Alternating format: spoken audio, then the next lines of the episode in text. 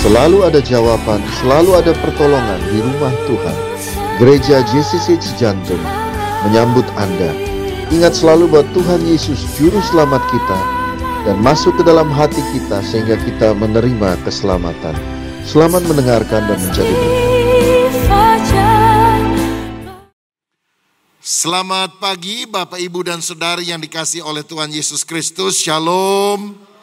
Saya sangat senang sekali bisa hadir pada ibadah pagi ini dan tentu berterima kasih kepada Pastor Albert untuk kesempatan yang telah dipercayakan walaupun beliau saya dengar masih ada di Amerika dan senang ketemu dengan Ryan yang baru menikah. Saya percaya Tuhan akan memberkati Pak Ishak Nur Salim yang adalah ayah dari Kesia yang suka menyanyikan lagu rohani adalah teman saya dari TK dan SD ya. Jadi uh, saya bersyukur rupanya tadi malam baru datang ke Jakarta dan kita bisa ketemu hari ini. Hari ini adalah hari yang penuh dengan sukacita. Karena itu mari kita akan melihat Alkitab dari Matius 2 ayat 10 sampai 13. Saya akan menyampaikan firman dengan judul Immanuel Allah beserta kita. Demikian firman Tuhan. Ketika mereka melihat bintang itu sangat bersukacitalah mereka, maka masuklah mereka ke dalam rumah itu dan melihat anak itu bersama Maria ibunya lalu sujud menyembah dia. Mereka pun membuka tempat harta bendanya dan mempersembahkan persembahan kepadanya yaitu emas, kemenyan dan mur. Dan karena diperingatkan dalam mimpi supaya jangan kembali kepada Herodes, maka pulanglah mereka ke negerinya melalui jalan lain setelah orang-orang majus itu berangkat, nampaklah malaikat Tuhan kepada Yusuf dalam mimpi dan berkata, bangunlah, ambillah anak itu serta ibunya, larilah ke Mesir dan tinggallah di sana sampai aku berfirman kepadamu. Karena Herodes akan mencari anak itu untuk membunuh dia. Saudara kita sedang berada pada masa yang sulit, pandemi COVID-19 belum usai, di seluruh dunia bahkan banyak orang berkata bahwa tahun 2002 2022 yang akan datang adalah the year of uncertainty, tahun yang penuh dengan ketidakpastian.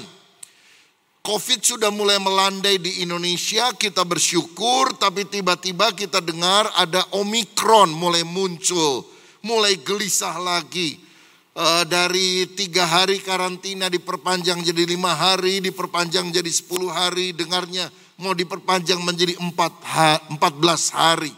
Ketidakpastian ada di mana-mana. Krisis ini pun menyebabkan bukannya krisis kesehatan, tapi juga krisis ekonomi. Dan kalau tidak ditangani dengan baik bisa menjadi krisis sosial, krisis politik dan sebagainya. Tapi percayalah situasinya boleh berubah kita punya Allah Immanuel, Allah yang setia, tidak pernah meninggalkan kita karena dia selalu menolong setiap umat yang percaya kepadanya.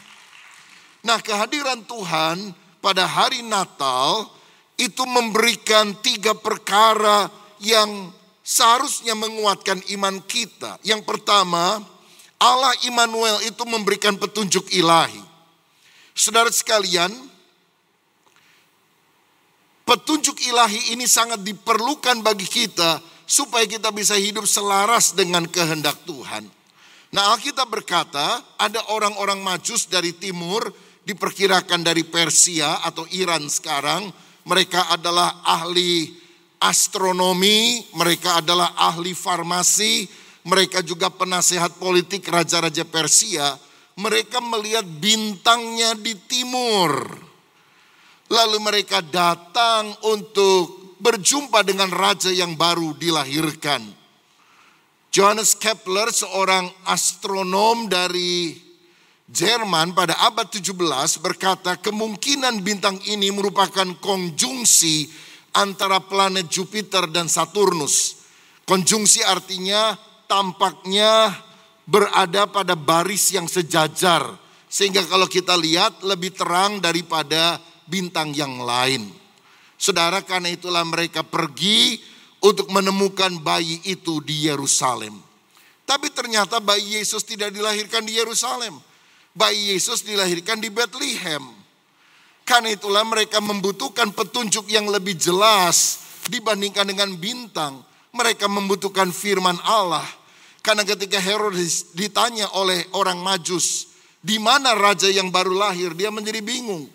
Dan dia panggil ahli-ahli Taurat. Dan di dalam Matius 2 ayat 5, ahli Taurat berkata kepadanya, di Bethlehem, di tanah Yudea, karena demikianlah ada tertulis dalam kitab Nabi. Jadi rupanya bintang hanya menuntun mereka ketemu Herodes di Yerusalem. Tapi Alkitab yang menuntun mereka ketemu Yesus di Bethlehem. Bintang ciptaan Allah adalah general revelation, pernyataan umum supaya kita sadar Allah itu ada. Tapi Yesus firman yang hidup dan Alkitab firman yang tertulis adalah special revelation, pewahyuan khusus untuk kita bukan hanya sadar Allah itu ada, tapi kita bisa mengenal siapa Allah dan memperoleh keselamatan. Karena itu penting sekali untuk kita menerima petunjuk Alkitab setiap hari. Di tengah dunia yang berubah-ubah, saudaraku bacalah firman Tuhan setiap hari. Saudara boleh baca kompas tapi Alkitab adalah kompas kehidupan sejati. Saudara boleh baca suara pembaruan tapi Alkitab adalah suara Allah yang sungguh dapat memperbarui kehidupan kita. Saudara boleh baca Jakarta Post, Jawa Post, tapi Alkitab adalah surga pos yang dia kirim untuk kita. Tiap hari bacalah Alkitab. No Bible, no breakfast. Tidak baca Alkitab, jangan sarapan. No Bible, no bread. Tidak baca Alkitab, jangan makan roti. No Bible, no super me. Nggak baca Alkitab, jangan makan super me. Sebab banyak orang kalau bangun pagi langsung cari makanan. Nggak suka baca Alkitab, akibatnya apa? Tubuhnya montok, tapi imannya rontok kalau nggak suka baca firman. Tapi kalau ada firman dalam hidup kita, dia memberikan tuntunan. Bagaimana supaya menjadi orang yang berhasil dan berkenan kepada Allah. Petunjuknya ada dalam Alkitab. Bagaimana menjadi orang yang diberkati Tuhan jasmani dan rohani. Petunjuknya ada dalam Alkitab. Bagaimana menjadi pria yang bertanggung jawab dan saleh. Semua dicatat di dalam Alkitab. Bagaimana menjadi istri teladan yang sungguh-sungguh memberkati keluarganya. Semuanya ada di dalam Alkitab. Bacalah firman Tuhan secara khusus, maka kita akan tahu kehendak Allah. Tetapi saudara, sering kali dalam kehidupan ini ada masalah-masalah spesifik yang membutuhkan bukan hanya petunjuk umum dari firman Tuhan. Kita membutuhkan petunjuk secara khusus. Misalnya, saya mesti nikah dengan siapa? Petunjuk umumnya terang tidak boleh bersatu dengan gelap. Orang percaya harus menikah dengan orang percaya. Oke, tapi secara spesifik siapa? Nah, ini membutuhkan tuntunan yang lebih spesifik yaitu Roh Kudus yang membuat logos firman yang tertulis menjadi rema, firman yang berbicara dengan jelas di hati kita. Yesaya 30 ayat 21 berkata, dan telingamu akan mendengar perkataan ini dari belakangmu. Inilah jalan, berjalanlah mengikutinya, entah kamu menganan atau mengiri. Jadi kalau kita intim dengan Tuhan, hidup dalam penyembahan, roh kita dibuat peka oleh Tuhan, seperti ada suara di belakang kita. Seperti ada suara di hati nurani kita. Jalan ke sini, jangan ke sini. Dan Alkitab menunjukkan ini merupakan telinga batin hati nurani.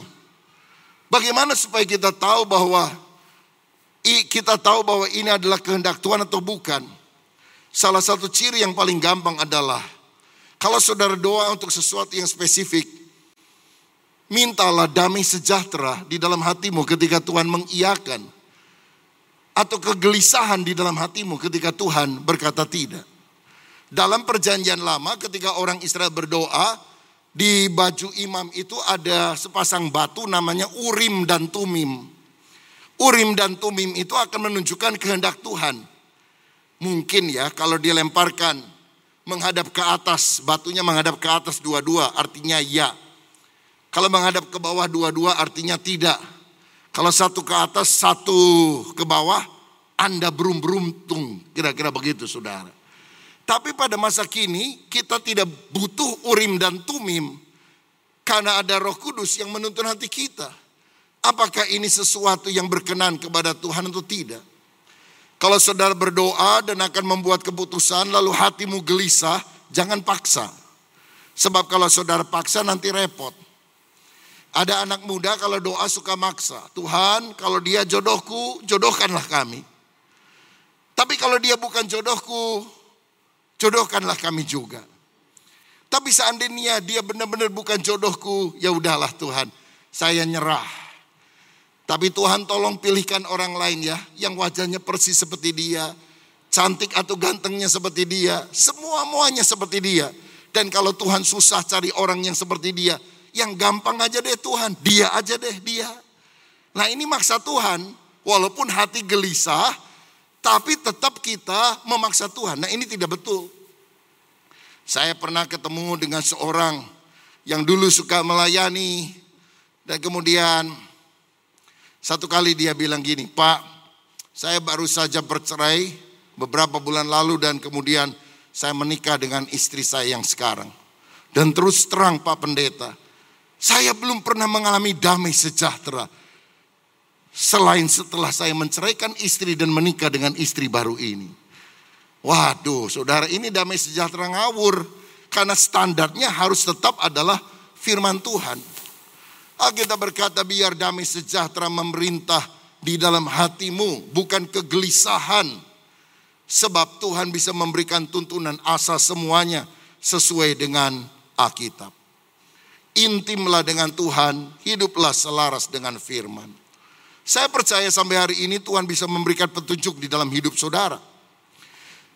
Ada orang bukan Kristen, tiba-tiba didatangi oleh Tuhan Yesus di dalam mimpi.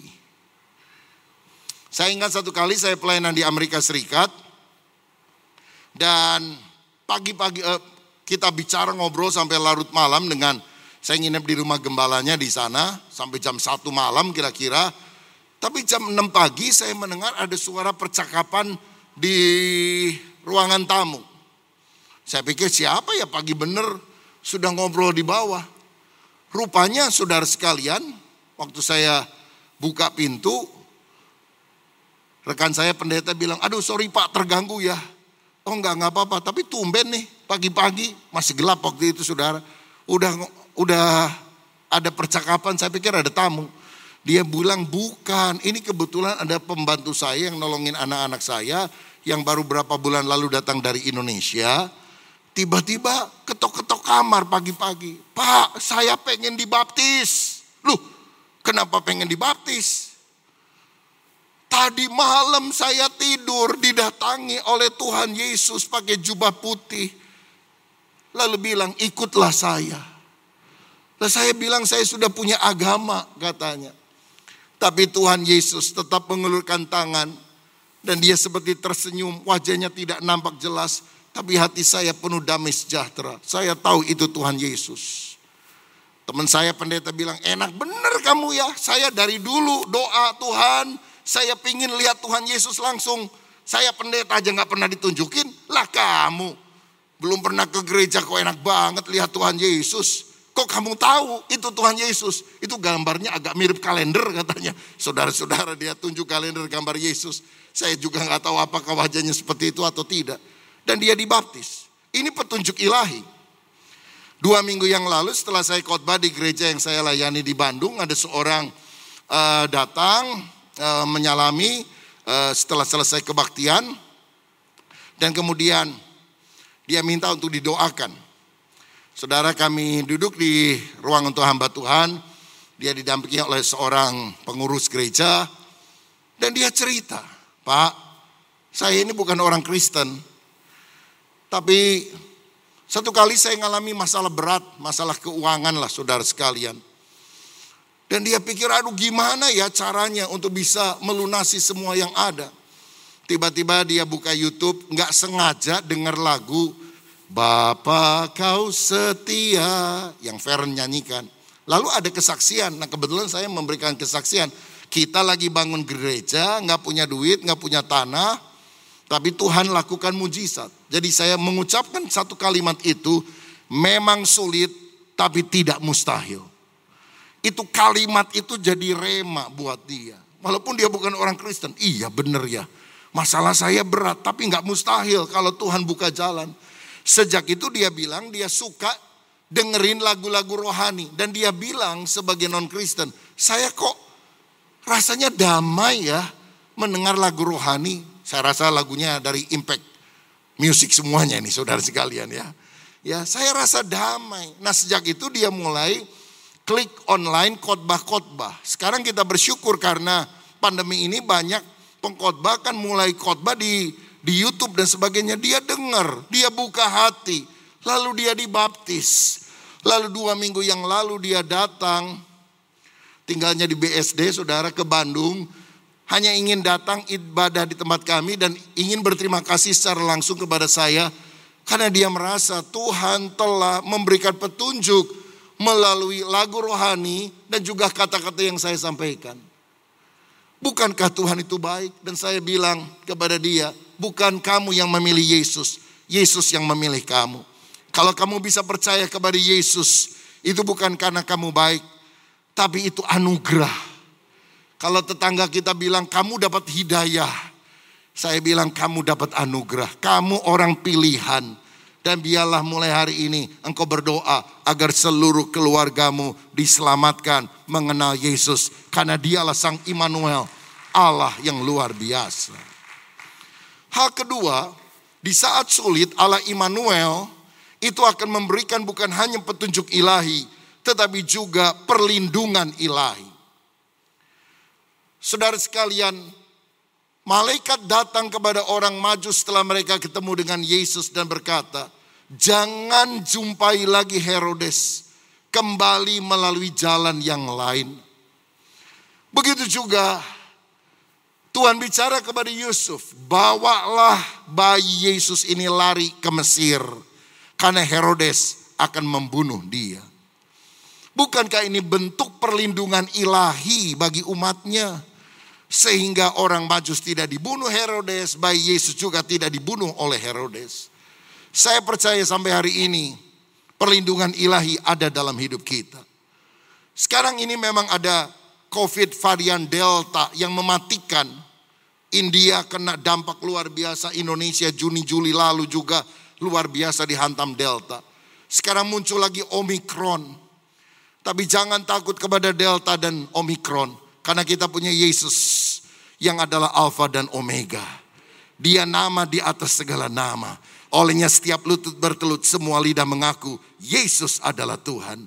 Dan tahukah saudara, Delta adalah sebuah nama. Omikron adalah sebuah nama. Nama-nama itu harus tunduk kepada nama Yesus. Dia yang akan memberikan kemenangan kepada kita. Jangan takut, waspada harus. Saudara, saya baca di kompas.com minggu yang lalu, penemu daripada varian Omikron dari Afrika Selatan berkata, virus ini jauh lebih cepat menular daripada Delta. Gejalanya ada yang berbeda, antara lain nyeri nyeri otot selama dua hari, tapi setelah itu relatif akan sembuh. Sampai hari ini setahu saya, WHO mengumumkan belum ada satu kasus kematian karena Omikron. Kita tidak tahu karena ini masih studi baru mungkin satu bulan ke depan kita akan lebih jelas soal Omikron ini. Atau Pak Dokter Ishak nanti bisa memberikan seminar khusus soal ini. Saudara-saudara, tapi yang penting adalah waspada harus, takut jangan. Yang penting protokol kesehatan. Pakai masker tiap hari, cuci tangan pakai sabun, Sering-sering jaga jarak satu dengan yang lain. Saya perhatikan ya, orang gila di jalan-jalan itu nggak pakai baju, nggak pernah masuk angin, jarang dikerokin. Pernah lihat orang gila dikerokin? Kan nggak pernah. Kenapa?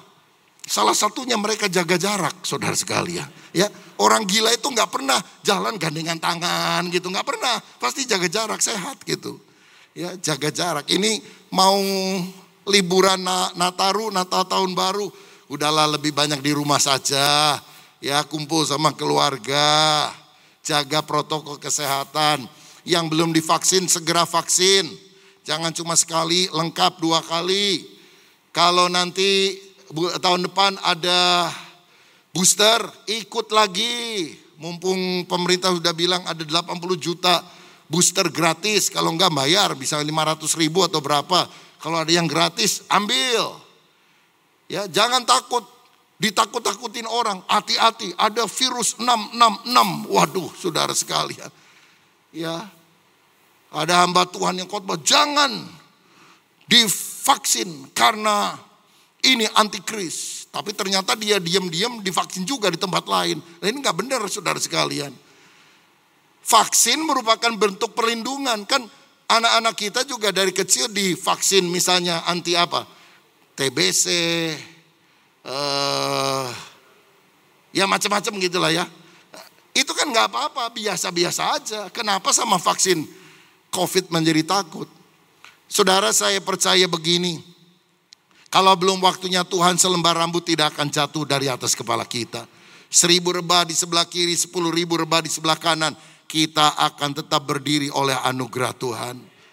Mungkin saudara bilang, tapi kenapa kok ada orang Kristen bahkan pendeta mati karena COVID? Ada kan?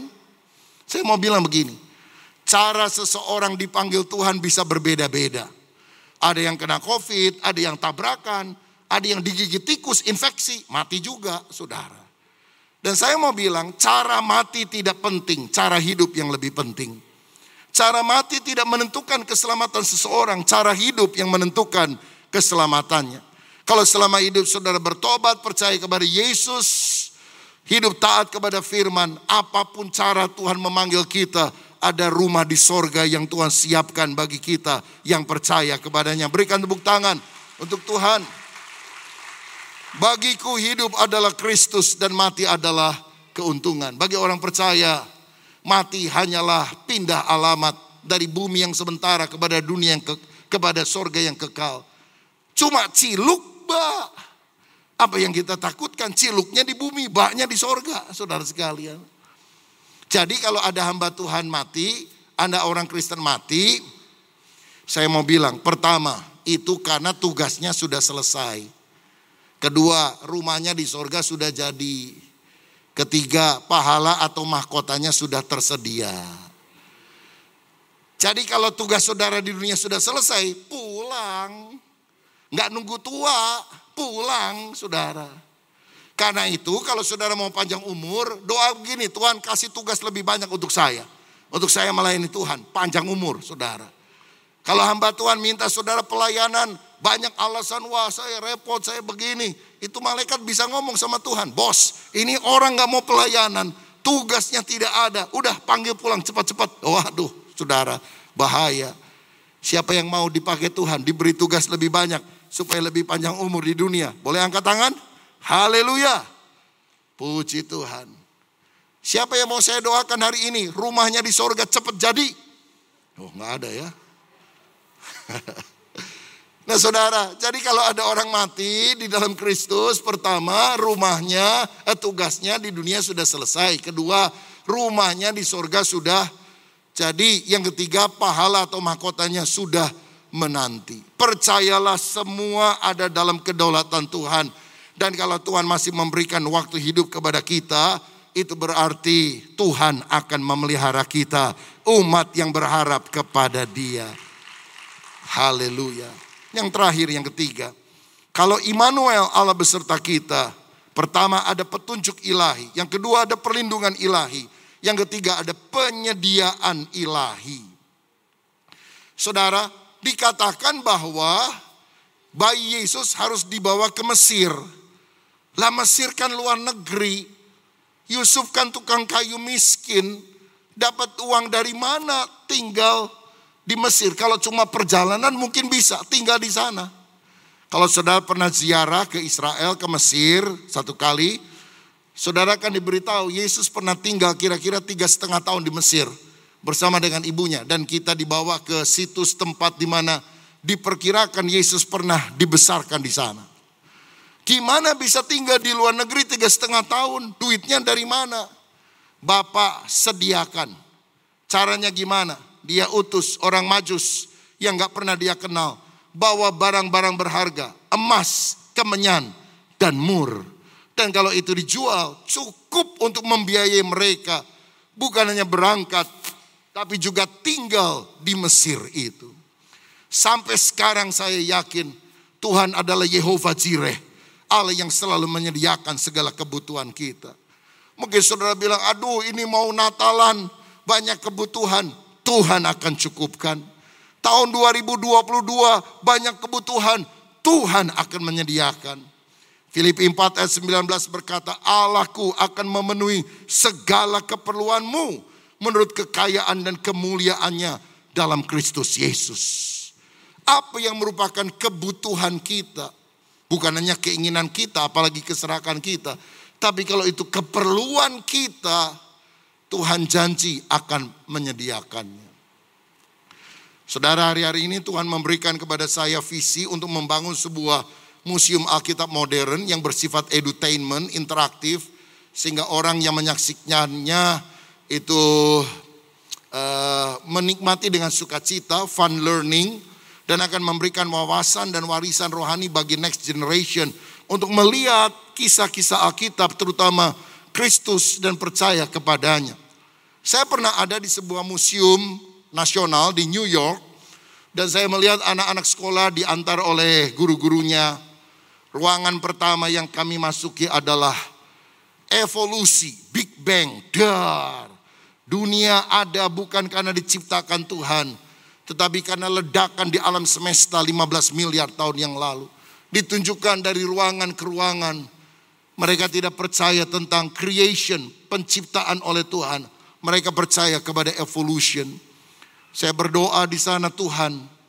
Berapa banyak orang yang dicuci otak tidak punya biblical worldview, pola pikir Alkitabiah.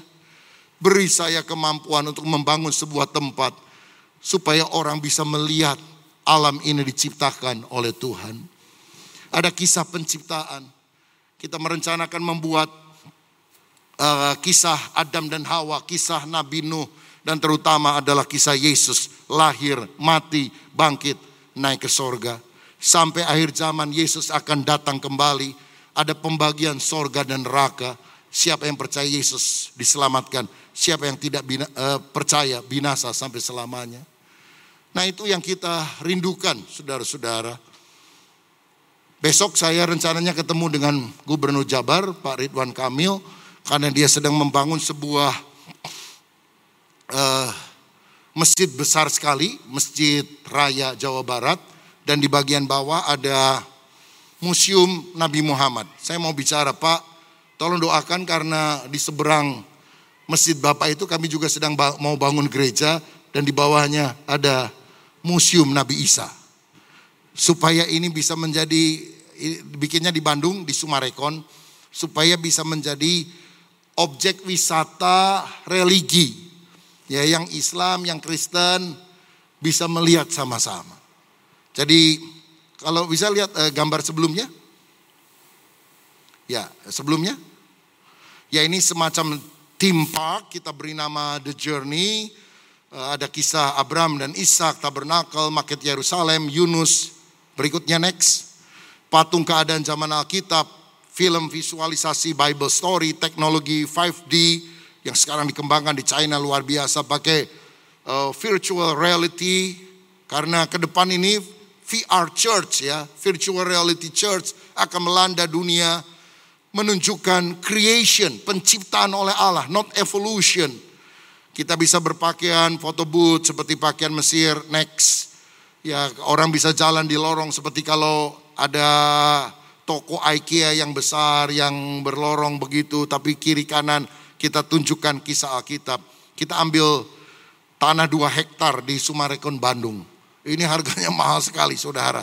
Satu meter aja kalau Sumarekon itu sudah besar sekali, eh, mahal sekali. Tiap hari kita harus, tiap bulan kita harus mencicil saudara-saudara. Apalagi nanti waktu membangunnya, biaya sangat besar. Tapi saya percaya kalau kita punya visi dari Tuhan, kita cuma kacungnya Tuhan, suruhannya Tuhan. Tuhan akan menyediakan semua yang terbaik tepat pada waktunya.